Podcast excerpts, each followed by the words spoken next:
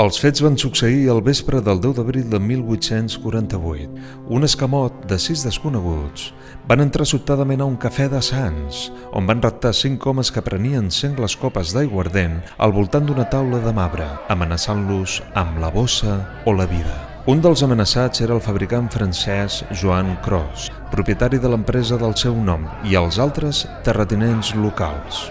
Uns dels lladregots van cobrir l'entorn de la porta del cafè i els altres eren intimidats a toc de pistola a no moure's i a guardar el silenci més rigorós. Cap dels raptats no va saber on se'ls duia. Aviat la notícia es va estendre per tota la vila de Sants i a Barcelona tan sols es deia que s'havia dut el raptatge a una cova que hi havia en terme de Cantàpies, un important terratinent badaloní, i que van ser baixats a una caverna estreta i humida on, mal menjats i mal beguts, se'ls va tenir 10 dies. Nosaltres no fem més que ressenyar-ho. El que semblava el cap dels lladregots va llegir-los una carta sense firma en la qual s'exigia als hostatges el pagament de 7.000 unces, rescat que aquests van rebutjar. Tanmateix, dos dies després, de nit però sense precisar, se'ls va treure del pou, lligats de mans i amb els ulls embenats, i se'ls va deixar en llibertat pels rodals de Santa Coloma de Gramenet, exhaustos a la vila de Sants. A mitjanit va entrar en funcions la policia i el cos de serenos i un dels presos va reconèixer per la cantarella del record i memòria que havien sentit que els fets van escaure durant la processó de dijous sant a Badalona. Efectivament, travessant els horts del rector cap a Santa Maria, les forces d'ordre van dirigir-se al carrer d'en Busquets, actualment Agustí Montal número 28, on en una casa de cos en Badiu hi havia una cova oberta recentment, l'últim amagatall on se'ls havia dut. La figa, sí,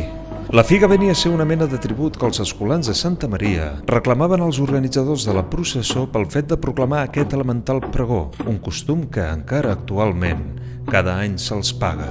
Per decència, no transcriurem el nom de cap dels lladres. Tan sols indicarem que el seu capdill era paleta i que la seva dona s'havia ocupat de comprar menjar per als presos els dies que havien estat captius. Sembla que els lladres del Pou foren descoberts pel pagament del rescat i jutjats en Consell de Guerra l'11 de maig, diada de Sant Anastasi, i que el cos militar va condemnar els tres principals bandits a morir a la forca a Badalona i la resta a la quinta forca a Barcelona. El cadafal va ser aixecat a la platja al terreny on més tard s'edificaria el cor de Marina, precisament enfront on es col·locaven els raïls del primer ferrocarril, i que la casa destinada a capella dels condemnats era coneguda perquè el ferrer i que camí de mar avall, l'itinerari dels condemnats a mort s'indicava el nomenclàtor de carrers de la vila de Badalona pels noms de Soledat, Pietat i Jesús. Els Reus van ser duts en dues tartanes des de la nefasta ciutadella de Felip V per un piquet de cavalleria, dos Mossos d'Esquadra, uns 50 cavalls i el batalló del regiment del Príncep. El 22 de maig es va complir la sentència fatal i Badalona va viure un intens dia de dolor. El rector va dirigir el dol dels badalonins condemnats, un dels quals no parava de doldre's, aferrant-se a un jerònim de la Murtra que era innocent i que l'havien enganyat que les dones ploraven quasi totes, que els pares duien els fills davant dels condemnats i que els clavaven una bufetada tot advertint-los com era pedagògicament acostumat perquè us en recordeu.